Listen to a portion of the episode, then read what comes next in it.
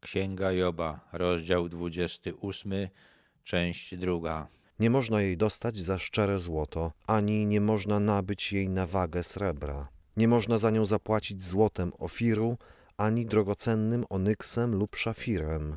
Job kontynuuje swoje rozważania o mądrości, o jej cenie. Stwierdza, że nie można mądrości nabyć żadnymi kosztownościami, ani złotem, ani srebrem, ani drogimi kamieniami. Dopiero co mówił o tym, jak się je wydobywa, jak cenne są dla ludzi, jak bardzo się dla nich ludzie wysilają, ale mądrości za nie nie nabędą.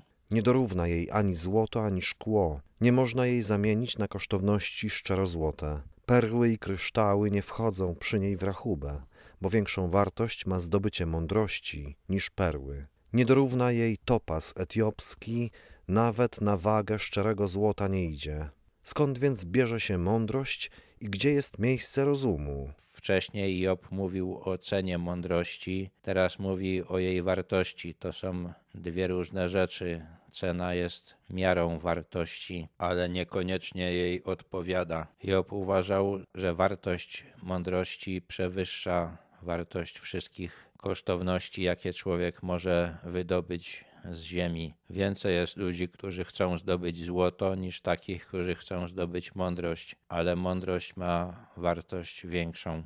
Zakryta jest przed oczyma wszystkich żyjących i zatajona przed ptactwem niebieskim. Otchłań i śmierć mówią, słyszałyśmy wieść o niej na własne uszy. Zdobycie mądrości nie jest łatwe. Żaden człowiek sam z siebie nie wie, w jaki sposób ją zdobyć, czym ona jest, choć ludzie wiedzą, że coś takiego istnieje. Zwierzęta również. Job mówi, że otchłań i śmierć mówią o mądrości, czyli uważa, że zwłaszcza ci ludzie, którzy już odeszli z tego świata, doceniają jej znaczenie, choć też mogą nie wiedzieć, jak ją zdobyć. Bóg wie o drodze do niej, tylko On zna jej siedzibę, bo tylko On patrzy na krańce ziemi i widzi wszystko, co jest pod niebem. Job uważa, że tylko Bóg może dać mądrość, bo tylko On ją posiada. Dla Joba ta mądrość to jest chyba umiejętność życia na tym świecie, który stworzył Bóg. I tylko Bóg może jej udzielić, bo to Bóg stworzył i zna cały ten świat. I zna go, bo widzi go całego. Gdy nadawał wiatrowi wagę i mierzył pojemność wód, gdy deszczowi wyznaczał prawo i szlak dla błyskawicy, wtedy ją widział i zgłębił, ustalił i wypróbował. Ta mądrość powstała, kiedy Bóg tworzył świat, kierował się nią wtedy. Job podaje różne przykłady mądrości Boga. Job uważał, że Bóg mądrze ustalił ilość wody na świecie i siłę wiatru. Uważał tak, chociaż wiatr zabił jego dzieci. Uważał też, że mądrze Bóg ustalił prawa rządzące powstawaniem deszczu i powstawaniem błyskawic.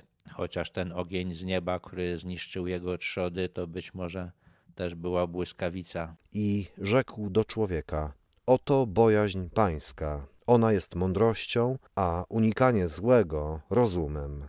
Job w swoich rozważaniach i poszukiwaniach mądrości doszedł do tego, że jest ona związana z Bogiem i ze stosunkiem człowieka do Boga. Jeśli człowiek odnosi się do Boga z bojaźnią i unika złego, to przez to samo postępuje mądrze. Te nieszczęścia, których doznał, nie zmieniły jego przekonania.